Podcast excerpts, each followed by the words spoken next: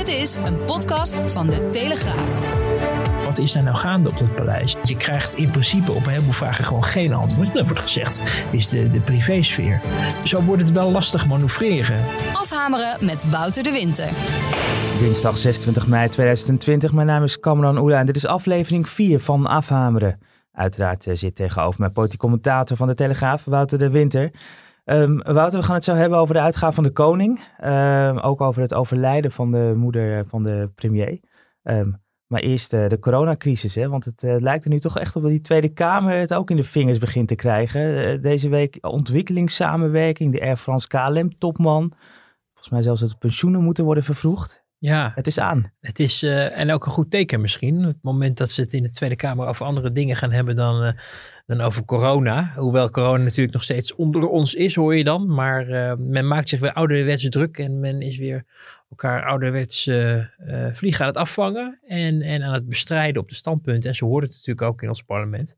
Uh, inderdaad, over ontwikkelingssamenwerking en dingen natuurlijk. Uh, dat heeft natuurlijk zijdelings wel te maken met, met corona. Namelijk dat een aantal partijen, D66, ChristenUnie en eigenlijk ook wel het CDA wil dat er ehm, ja, wordt bijgeplust, tenminste, richting, richting Afrika. Dat er gevolg wordt gegeven aan een advies van de AIV, de adviesraad, om ehm, een miljard uit de algemene middelen die kant op te sturen. En de algemene middelen zijn dan de belastinginkomsten. Dus dat zou dan bovenop komen op datgene wat, uh, wat minister Kaag voor ontwikkelingssamenwerking mhm. natuurlijk als budgetten heeft. En het argument daarbij is dat als je dat niet doet, dat er dat dan betekent dat um, je jezelf ook in de vingers snijdt. Omdat mensen toch uiteindelijk hier in Nederland de prijzen ervoor betalen als het in Afrika misgaat. Bijvoorbeeld met economische tegenslag, maar ook met, met gezondheidstegenslag rond corona. En die mensen gaan dan op drift komen. Vluchtelingen, zo veronderstelt men. En die zullen zich uiteindelijk weer aan de poort van Europa melden met al gevolgen van dien. Dus dat is de argumentatie. En nou, aan de andere kant tref je de VVD aan die denkt, ja, als je daaraan gaat beginnen, dan, dan hou je ook niet aan de afspraak. Mm Omdat we in Nederland hebben afgesproken dat het budget voor ontwikkelingssamenwerking meebeweegt met het nationaal inkomen. En dat is het afgelopen jaar natuurlijk de goede kant op gegaan voor, voor, voor ontwikkelingssamenwerking. Maar de afgelopen, ja, afgelopen maanden gaat het zo hard naar beneden mm -hmm. dat dat een, een krimp doet veronderstellen in het budget. Nou, mijn vermoeden is dat er uiteindelijk wel een compromis gevonden wordt. Want dit is niet iets waar je het kabinet uh, op laat vallen. de, de leider van de VVD is dat er geen cent extra gaat. Uh, maar goed, dat kan je ook interpreteren als dat je het, het budget zoals het was als leidraad neemt en niet het budget zoals het gaat worden. En ja. dan zou je wel iets die kant op kunnen schuiven wellicht. Als die koppeling er is, dan is dat eigenlijk, qua percentage gaat er dus eigenlijk iets, zo, iets omhoog, maar het bedrag blijft gelijk onder de streep als je het echt om harde euro's uh.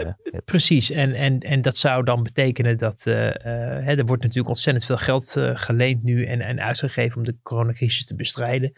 Um, en dan zou dit daar een, een, fractie van kunnen be bedragen.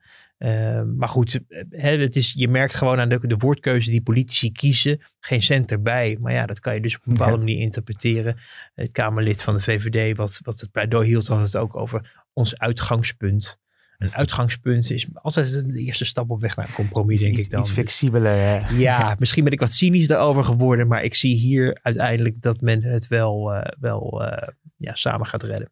Wat mij opviel is dat vorige week al wat over Rob Jetten, die aangaf op Europa moeten we misschien toch dat regeerakkoord eens even gaan openbreken. Nu zag ik het CDA-Kamerlid dat hierover gaat, Anne Kuik, die ook zei, het staat allemaal, hè, er is een nieuwe werkelijkheid in de coronatijd. Ja, ja. Um, dus toch weer aan die afspraken tornen. Nou ja, een regeerakkoord is eigenlijk een half jaar eigenlijk relevant, echt. Hm. Uh, het, het, geldt natuurlijk als leidraad voor een coalitie en zeker voor deze coalitie. Er uh, is lang over uh, onderhandeld en omdat het vier partijen was in een versplinterd politiek landschap, heeft, men er ook, heeft men het ook wel echt nodig gehad als een soort bijbel waar men zich aan vast kon houden. Maar je zag natuurlijk de afgelopen tijd dat er wel vaker dingen het raam uitgingen. Hè. Er is natuurlijk bijvoorbeeld een kinderpardon afgesproken en daar is dan weer wat wisselgeld voor teruggekomen voor de VVD. En zo zijn er wel meer dingen die uiteindelijk toch weer veranderen. Dus zo'n regeerakkoord, zeker in het laatste jaar, uh, stelt in feite uh, niet zoveel uh, voor.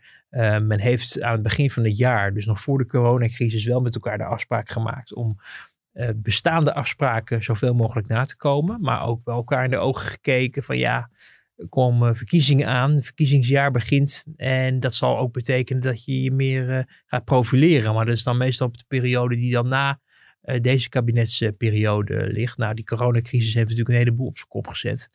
Um, dus je ziet nu aan meerdere kanten dat daar um, uh, ja, ja, af en toe uh, uh, dingen worden geroepen van ja, de werkelijkheid is anders geworden. Nou, dat is natuurlijk ook zo. De werkelijkheid is veranderd. Maar dat geldt natuurlijk voor een heleboel zaken. En dat zou dan betekenen dat dat mes ook aan meerdere kanten gaat snijden. Ja. Een bijzonder mes dan, misschien een knuppel meer. waardoor je uiteindelijk ziet dat misschien hier iets op gaat veranderen. Maar dat zou dan ook betekenen dat er op andere punten iets gaat veranderen. Ik, ik ik bedoel, als we denken aan wat er allemaal over stikstof en zo is afgesproken, of op klimaat, dat is mhm. wel iets wat uh, een aantal partijen heel erg belangrijk vond en ook uh, ja, toch ongeveer wel het lot aan verbond. Uh, het zou toch heel raar zijn als de VVD nu eens zou zeggen van nou, dat gaan we toch maar niet doen of zo. Mm Moet je eens kijken wat er dan gebeurt. Ja. Dus wat dat betreft eh, weet ik niet of de soep in ieder geval voor de zomer heet wordt opgegeten. heet wordt, ja, heet wordt opgegeten als hij wordt opgediend. Maar, maar reken maar dat je de komende maanden, zeker na de zomer, zal zien dat uh, nou ja, de teugels echt uh, helemaal los worden gelaten. Nu zegt de VVD in, die, in, in de Tweede Kamer hè, geen cent erbij als het om ontwikkelingshulp gaat. Dan moet het hierop houden. Is dat, geldt dat ook voor de bewindspersonen? Dus, zitten die er ook zo in? Bijvoorbeeld ook de minister-president? Nou, de bewindspersonen zijn uiteindelijk natuurlijk de uitvoerende dienst van, uh, van uh, van de coalitie. Dat, eh, dat, dat, dat frustreert sommige bewindspersonen ook wel. Er is in de loop der tijd wel iets veranderd. Ze hebben wel iets meer gezag gekregen en kunnen af en toe ook wel, wel iets meer hun zin doordrijven. Maar uiteindelijk gebeurt er niks zonder steun van, de, van uh, de vier coalitieleiders samen met de vicepremiers op, op mhm. maandagochtend. maar als het gaat om, om Rutte, ja, Rutte is natuurlijk is een pragmaticus en geen idealist. En dat zien we op allerlei front. En zeker ook als zijn eigen partij aangaat. Veel dingen opgegeven uh, onder het mom van ja, het land moet nog bestuurd worden. En uh, water bij de wijn. En mensen weten dat we het land goed besturen. En daarom moeten ze maar op de, op de VVD stemmen. Dat is een beetje het uitgangspunt. Um, en daardoor heeft die partij veel, veel uh, kleur verloren de afgelopen tijd. Maar je ziet ook op het front van ontwikkelingssamenwerking daar ook. En trouwens ook op, vaak op buitenlands beleid. Dat Rutte binnenlands iets anders zegt dan wat er in het buitenland hm. Wordt gezegd door hem. Hè? Dus je ziet op Europees niveau, maar ook met ingezonde stukken. Maar eh, ik kan me nog herinneren rond, rond, de klimaat, het klimaatverhaal, dat hij op een gegeven moment een, echt een enorm pro-klimaatverhaal hield bij CNN bijvoorbeeld. Waar ze bij D66, nou, uh, dan ging de champagne open. En die zeggen, dat is onze Vingers premier. aflikken. Ja, ja, hartstikke mooi. Terwijl veel mensen die binnenlands eh, zijn, eh, naar die VVD kijken en een andere toon verwachten. Nou, het kan natuurlijk ook, hè, een premier is niet automatisch, een eh, premier in het bijzonder kan niet, uh, uh, die spreekt namens de hele coalitie en niet namens, niet namens zijn partijen per se, maar ja, we kwamen een uh, ingezonden stuk tegen in, in de Financial Times van half april, waarin Rutte samen met de Italiaanse premier en Ursula von der Leyen van de Europese Commissie, Emmanuel Macron een, eh, een warm pleidooi hield om voor 100 miljard euro steun te bieden aan, aan Afrika.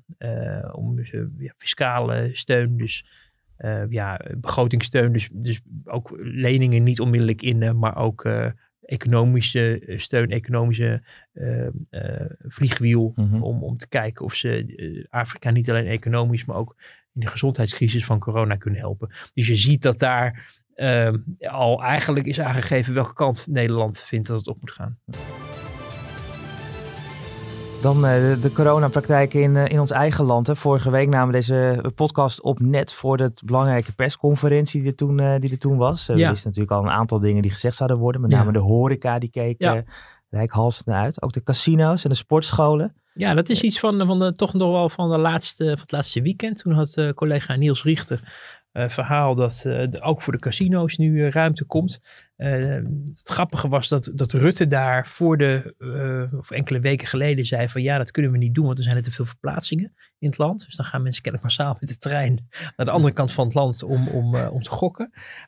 bijzonder. bleek uiteindelijk dit weekend ook niet echt heel erg relevant, dat argument wat, wat uh, ja, relevanter bleek, uh, is dat er nu veel mensen illegaal aan het gokken zijn. Ja. En je hebt natuurlijk twee stromingen. Hè. Je hebt de Holland casino's, uh, die zijn van de staat. Dus ja, alles wat daar aan inkomstenderving misloopt, ja, dat komt allemaal op voor rekening van minister Hoekstra. Maar je hebt ook de speelhallen, de automatenhallen. En die, eh, dat zijn gewoon ondernemers. En die, ehm, ja, zagen ook geen, die mochten ook geen omzet draaien. En die, die konden kennelijk eh, bij minister Dekker, die erover gaat, eh, wel een, uh, een ehm, ja, ik kon hem wel overtuigen om, om aan te geven dat er nu wel heel veel illegaal gegokt wordt in, in poker rooms en dat soort zaken. Uh, waardoor het misschien uh, ja, wat onverstandig is. Hè? Want de opdracht, zeker als het gaat om Holland Casino, is om gereguleerd uh, kansspel aan te bieden. Zodat er ook een beetje een oogje kan worden gehouden op mensen dat ze niet enorme bedragen vergokken. Ja. Dus um, nou ja, daar is beweging in gaande. Het zou zomaar kunnen dat we daar de komende dagen uh, iets horen van een vervroeging ten opzichte van die 1 september. Uh, welke vervroeging dat is, dat, dat, dat kan ik je niet zeggen. Maar um, het lijkt mij dat het die kant op gaat. En, ja, voor die sportscholen, daar wordt ook al heel lang overlegd. Hoewel er ook nog steeds wel berichten zijn dat er toch een gevaar dreigt met betrekking tot ja, inspanningen, veel zuchten, zingen, dat soort zaken. Waar mensen dus ja, ik ben bijna medicus, maar grote hoeveelheden lucht verplaatsen, min of meer, vanuit hun li lichaam. En um, dat dat wel iets is waar het kabinet nog steeds wel bezorgd over is. En die deeltjes blijven dan hangen in de, in de lucht. Ja. Die, die kans is groter als je meer inspanning levert dan. Uh, um, ja, ja. ja, dat, dat is de, de veronderstelling. Alleen ja, kan je dat op, uh, overeind houden als je kijkt naar, uh, naar, andere landen waar men toch wat meer de teugels laat vieren daaromtrent. Uh, blijft wel een gevoelig punt ook. En hier speelt ook weer een maatschappelijk belang. En net als we het net hadden over dat gereguleerde gokken. Ook, ook dat mensen gezond. Gezondheid is natuurlijk ook belangrijk als mensen niet meer kunnen bewegen. En je ziet nu zijn mensen heel creatief bezig. Bij mij voor de deur staan ze ook met, met, met van die kettlebells te, te swingen en zo. Maar um, ja, ja, als mensen niet meer kunnen bewegen, groeien ze dicht. En nemen ze een glaasje wijn. En die kleine magnums liggen er ook niet voor niks in dat uh, diepvriesschap. Nog slechter voor de gezondheid. Ja, dus, dus daar zit ook een gezondheidsaspect. Um, ik, ik verwacht wel, dat was de toon, dat het allemaal wel, dat er wel iets van verruiming aan zal komen. Maar hoe die er precies uit zal zijn en of veel sportscholen daarbij gebaat zijn, is natuurlijk ook een tweede. Want het kan ook wel eens heel erg gaan afhangen van hoe groot de ruimte is. Ja, deze week dus een persmoment, persconferentie, is dat, is dat ja. iets? Uh... Ja, die, die, er is een, een persmoment uh, voorzien, uh, geen persconferentie. Mm. Ook al is het, zou, of zou het de laatste ministeriële crisisvergadering zijn die dan op woensdag zou worden gehouden. maar um, ja, het hangt. Ik, bedoel, ik vond het nogal wat voorbarig. Ik zag het voorbij komen. ja, ze, ze stoppen met de crisis. Um, het crisismoment op woensdag. Maar er wordt natuurlijk nog steeds wel mm. onderling nadrukkelijk gesproken. Maar vooral natuurlijk als de dingen gaan veranderen. En er moeten natuurlijk nieuwe beslismomenten komen. Bijvoorbeeld als het aantal besmettingen toeneemt. en het aantal doden weer en de IC-capaciteit. maar ook op het moment dat er weer een nieuw besluit moet worden genomen over de horeca. Hè? Want, en over de theaters en de... Uh, mm -hmm. Was nou die andere categorie? Theaters, musea.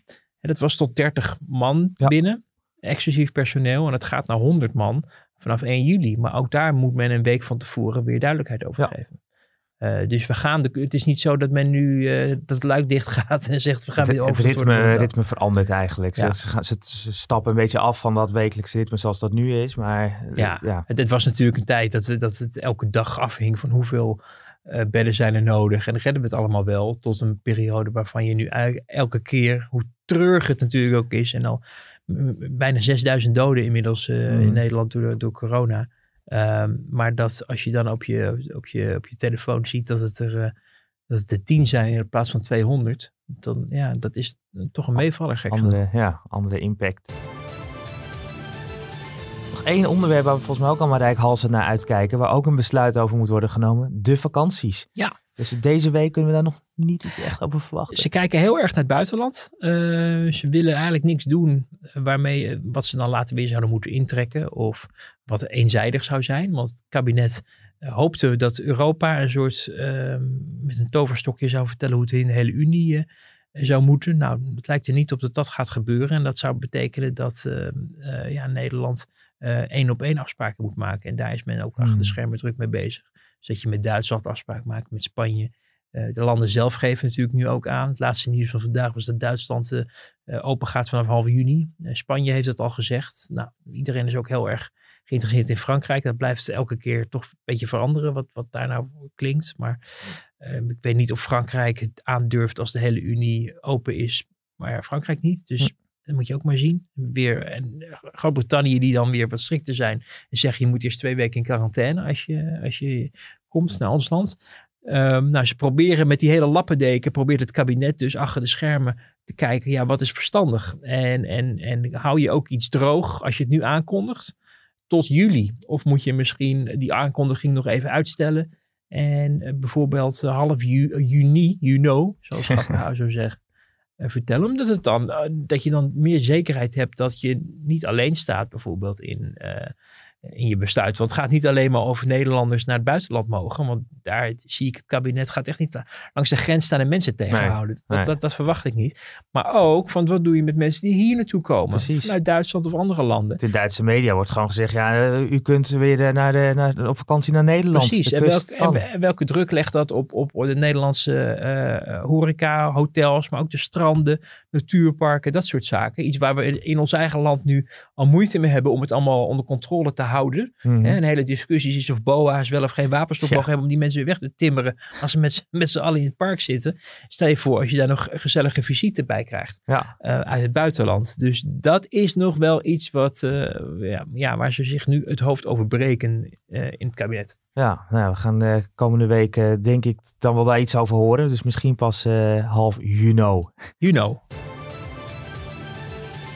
Dan even eh, terug naar het eh, persmoment eh, van twee weken geleden op woensdag eh, 13 mei. Goedenavond. Ik zal een paar dingen zeggen. eh, en daarna staan eh, Hugo de Jong en ik graag ter beschikking om, als er nog vragen zijn, die te beantwoorden. Dit was eh, typisch een. Inmiddels weten we dat, eh, dat dat een verdrietige dag was hè, voor, eh, voor premier Rutte. Zijn moeder is overleden. Toen is zijn moeder overleden. Dat hoorden wij natuurlijk pas, eh, pas maandag, eh, jongstleden. En eh, dat heeft men eh expres gedaan, eh, het bekendmaken daarvan. En men was erg verontrust over de mogelijkheid dat er roddelbladen of, of persmuskieten of andere... Ik bedoel, Het is wel de premier van Nederland. Zijn moeder is, is een soort semi-bekende Nederlander. We Ja. hebben haar nooit echt gezien. Een keer een foto of zo. Maar Rutte heeft het natuurlijk wel een paar keer over gehad. Eh, en, en Rutte is natuurlijk al heel lang premier. Dus, dus veel Nederlanders weten dat Rutte een moeder eh, had en heeft. Maar die nu overleden is.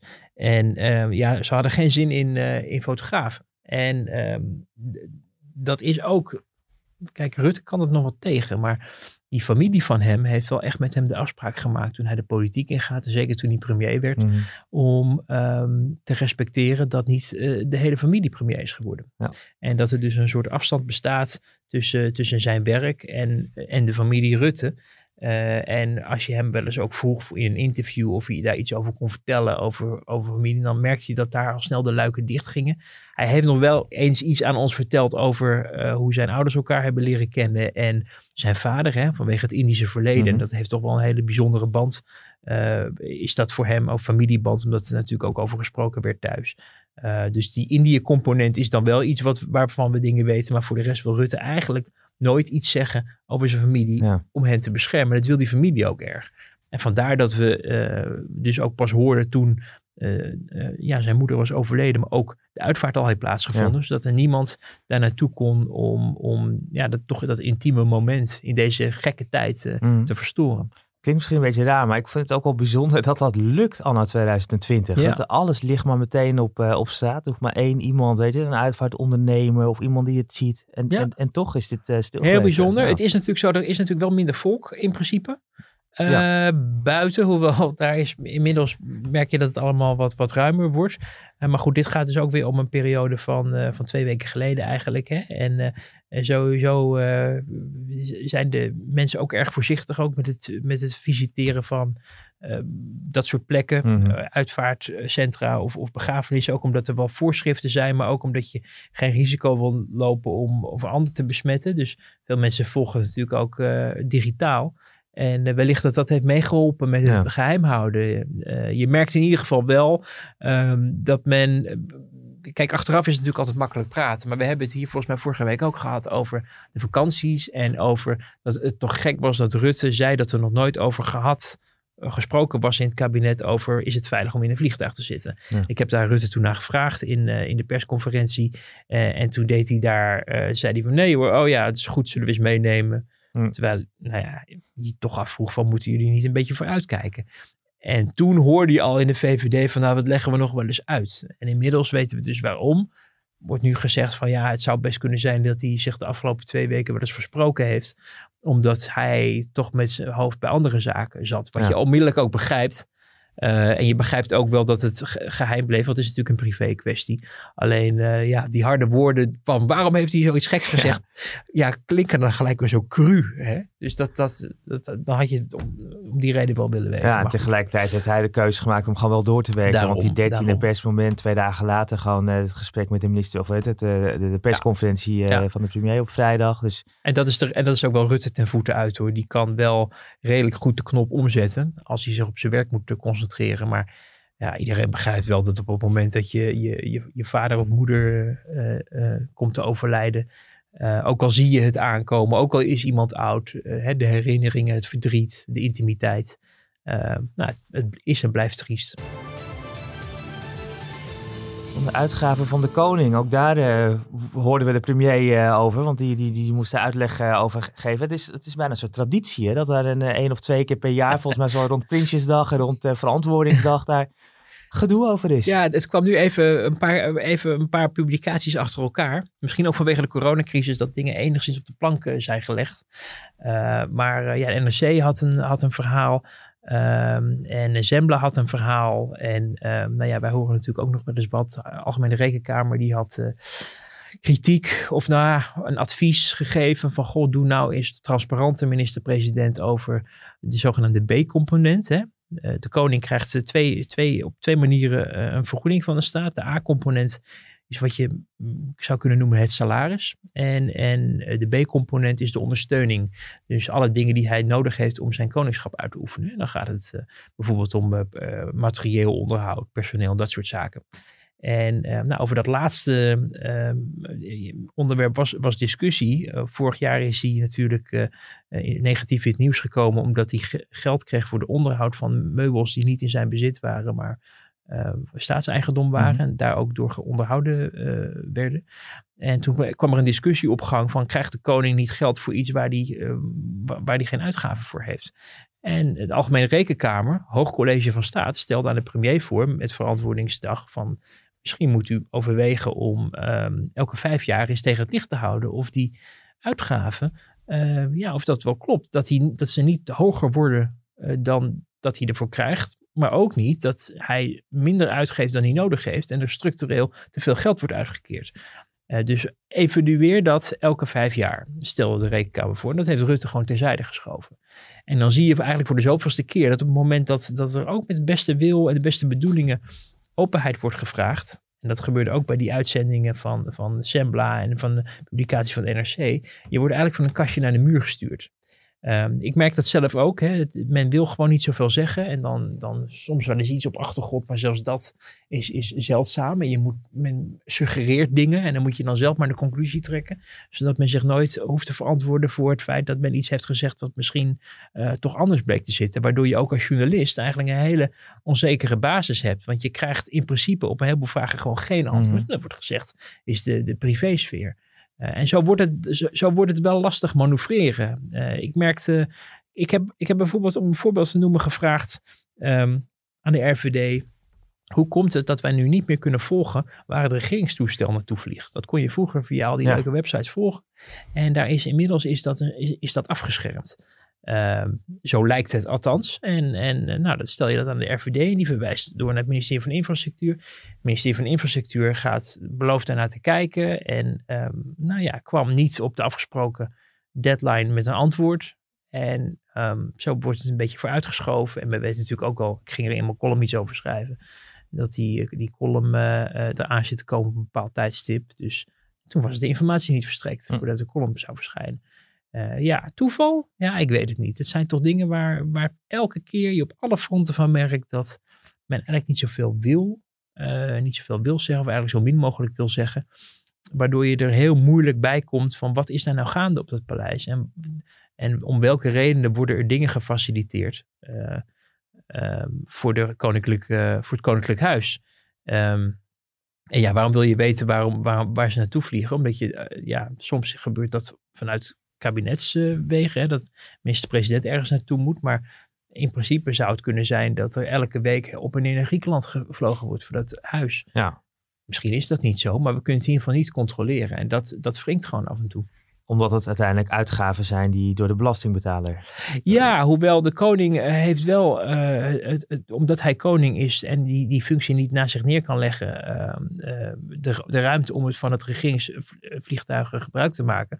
Maar ook de uitgaven die, daaraan, ja, die daarvoor worden, worden gedaan, die, dat zijn wel dingen waar je in principe uh, ja, eh, toegang toe zou willen hebben. Transparantie, zodat je in ieder geval kan zien of dingen eh, heel erg uit de klauw lopen hmm. of juist niet. Want dat is ook een antwoord. Dingen hoeven helemaal niet gek te zijn. Maar zodra je daar alleen maar een rookgordijn opgetrokken ziet worden, kan je dat ook niet controleren. En dat is uiteindelijk wel wat ook journalisten natuurlijk moeten doen. Ja.